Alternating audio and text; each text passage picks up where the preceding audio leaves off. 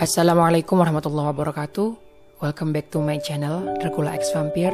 Channel kesayangan kalian, sahabat sejati kalian. Gimana kabar kalian?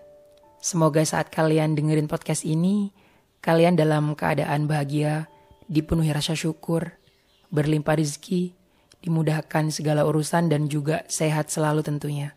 Amin amin rabbal alamin Uh, by the way, buat para pendengar setia Dracula X Vampire ini, absen dulu dong kalian dari mana aja. Uh, buat yang baru bergabung dengan channel ini, jangan lupa di subscribe ya. Nggak ada salahnya juga kalau ini di share ke sosial media yang kalian miliki, ke teman-teman kalian juga, uh, biar kita makin banyak teman untuk berbagi. Jangan lupa di like juga. Yang sudah di subscribe, tekan juga tombol loncengnya biar kalian gak ketinggalan update-update terbaru dari aku. Terima kasih. Selamat mendengarkan.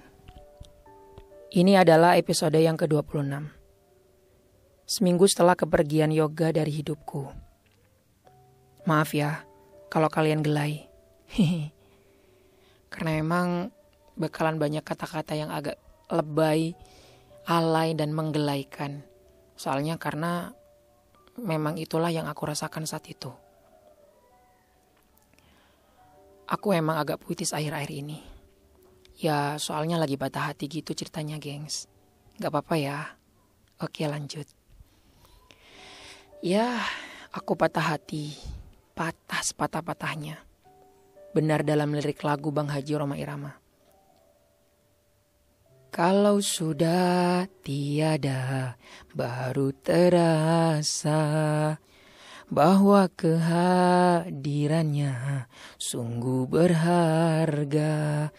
Sungguh berat aku rasa kehilangan dia.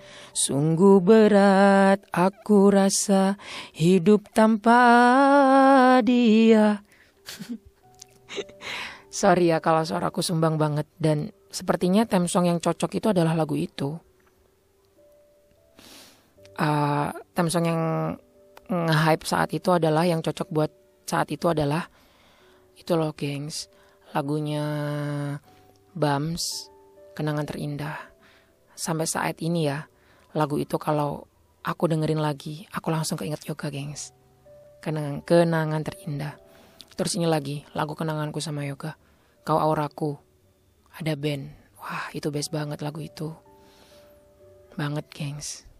Kalau laguku sama Adit, itu tak ada logika. Lagunya Agnes Monica sama bukan milikku lagi. Oke, okay. aku beneran udah merasakan apa yang ada di lirik lagunya Bang Haji Roma Irama itu.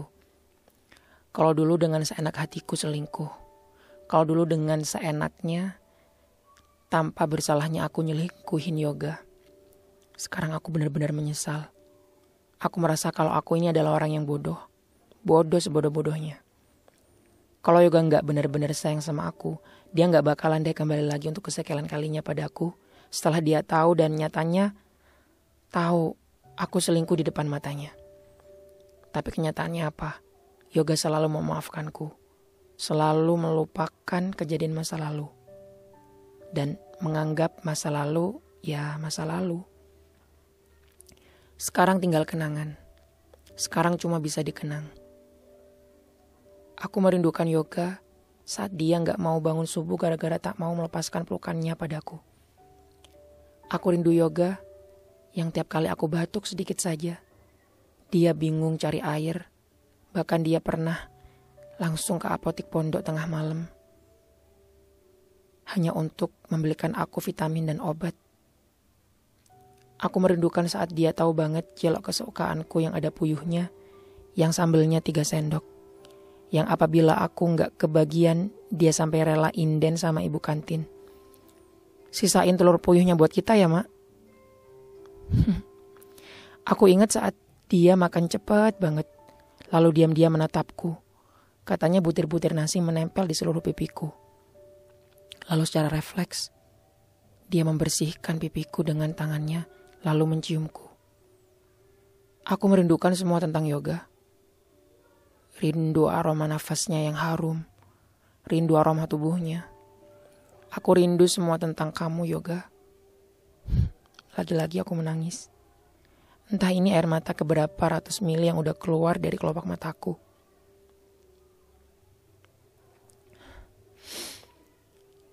Sore hari usai madrasah dinia sekitar jam 5 sore. Aku dikejutkan oleh seseorang yang menumpuk pundakku dari belakang saat hendak masuk kamar. Yoga? Aku tercekat, mataku terbelalak saat aku menoleh ke belakang dan menyadari orang yang menepuk pundakku itu adalah Yoga. Hampir saja aku memeluknya seketika. Kalau aku tak ingat ini adalah koridor asrama yang dilalui banyak anak-anak yang lalu lalang. Akhirnya Aku pun mengajak Yoga masuk kamar, lalu berpelukan erat dan erat sekali. Yoga bukan hanya rindu padaku. Yoga bukan hanya memelukku erat. Yoga sangat nafsu. Yoga sangat beringas. Tak hanya bibir yang dia tempelkan ke bibirku, tapi batang kerasnya yang sepertinya tak sabar ingin menghirup udara bebas dari celana jeansnya yang ketat. Sepertinya Batang keras itu sudah mulai memberontak. Yoga pun melucuti pakaianku satu persatu. Dan terjadilah hal yang sudah lama tak kami lakukan itu. Kami berdua sudah tak ingat apa-apa lagi. Yang kami tahu hanya dunia ini milik berdua. Dunia ini diciptakan untuk kami. Usai melakukan hal besar itu, kami masih tak mau melepaskan pelukan kami masing-masing. Kami masih saja dalam keadaan telanjang berada di dalam selimut kami. Menyatukan kulit dan kulit, entahlah gimana aku harus menarasikannya. Yang jelas, kami masih sama-sama telanjang dalam selimut.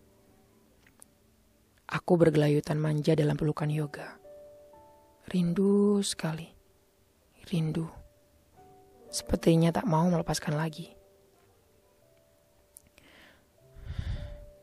Berada di dalam pelukan yoga begitu nyaman. Begitu hangat. Begitu damai. Ya Tuhan, indah sekali cinta terlarang ini.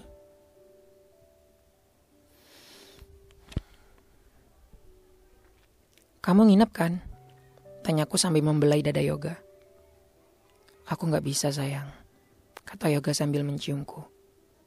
Terdengar begitu lembut, tapi aku tidak menyukainya. Iya, aku tidak menyukai kata-kata itu. Aku tidak suka perpisahan. Singkat cerita, Yoga harus pulang. Karena ke sini dia selain kangen sama aku, dia juga mau minjem uang.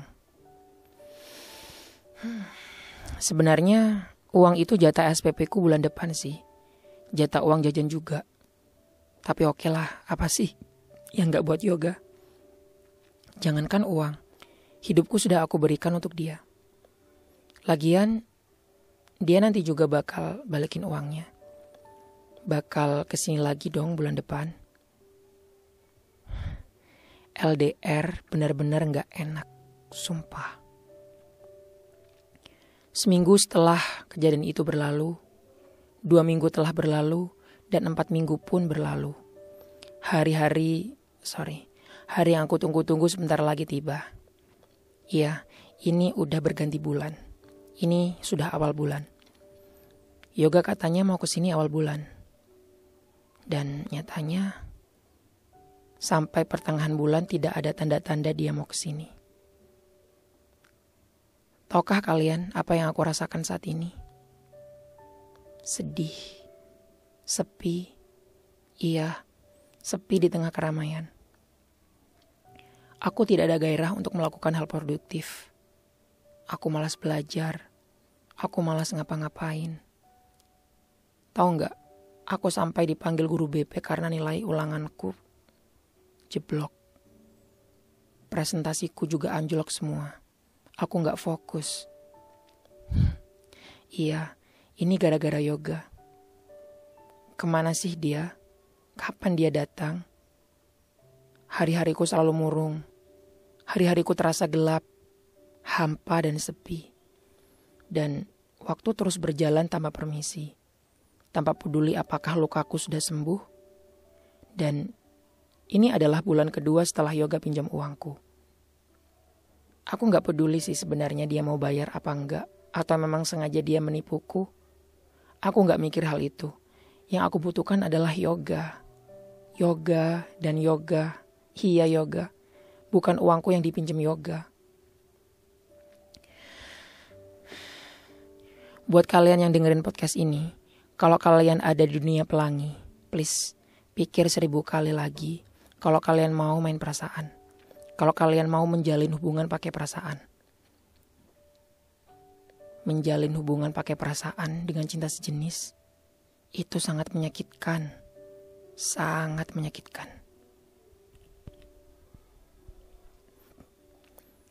Ini sudah memasuki bulan ketiga setelah kepergian yoga. Aku masih saja seperti kemarin. Keadaanku makin memburuk. Emang seburuk apa sih? Jadi berat badanku turun, gengs. Turun 7 kg. Dan usai aku menimbang berat badanku di healthcare asrama ini, ada sesuatu yang membuat bumi ini berhenti berputar. Adit. Iya, Adit. Adit lewat di depanku dengan membawa travel bag menuju asrama. Aku tidak salah lihat. Iya, dia beneran Adit. Dia melintas di depanku. Dia tidak melihatku. Memang tak melihatku bukan pura-pura tak melihatku. Seperti yang waktu itu, bukan. Kira-kira ngapain ya dia ke sini? Seketika itu jantungku berdetak cepat.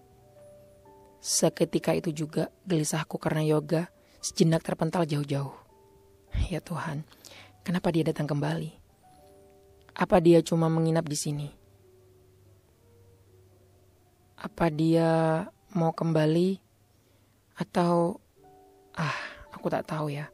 Yang jelas hari ini aku bisa istirahat sejenak untuk tidak merindukan yoga. Dengan kipunya, aku berjalan mengikuti ke mana dia akan pergi. Ternyata dia pergi memantau dari ah sorry, ternyata dia pergi ke kantor bagian pengasuhan. Lama sekali aku memantau dia dari jauh. Tak lama kemudian, dia berjalan menuju asrama kompleks mahasiswa yang letaknya berada di barat asrama SMA. Tiba-tiba, disiran hangat merayap begitu saja dalam dada. Disiran bahagia. Berarti dia mau kuliah di sini. Berarti dia mau tinggal di asrama ini lagi. Ya Tuhan, inikah kebahagiaan yang akan kau berikan setelah kesedihan itu? Iya, Walaupun aku tahu kebahagiaan itu cuma kebahagiaan semu. Kebahagiaan dalam lingkar dosa. Tapi setidaknya aku harus tetap bersyukur. Maafkan aku Tuhan. Maafkan aku kalau aku punya rencana bermaksiat lagi. Singkat cerita, aku menggali informasi tentang Adit sedalam-dalamnya. Dan benar sekali, dia lanjut kuliah di sini atas nazar kakeknya. Jadi kakek Adit itu sebelum meninggal pernah punya nazar kalau pengen Adit itu kuliah sampai lulus ada di asrama ini. Yeay, makasih ya kek. Dan hari ini aku bahagia. Aku selalu bahagia. Perlahan aku sudah move on dari yoga hingga kemudian benar-benar menghempas bayang yoga jauh-jauh. Seminggu dua minggu berlalu. Tahu nggak? Ternyata Adit suka caper. Beneran, aku gak GR. Dia sering banget seliweran lewat depan kamarku. Dia sering banget seliweran di kompleks SMA. Suka curi pandang juga, hingga pernah suatu malam saat aku ketiduran di serambi, serambi masjid pas baca-baca buku. Adit sudah berada di sampingku.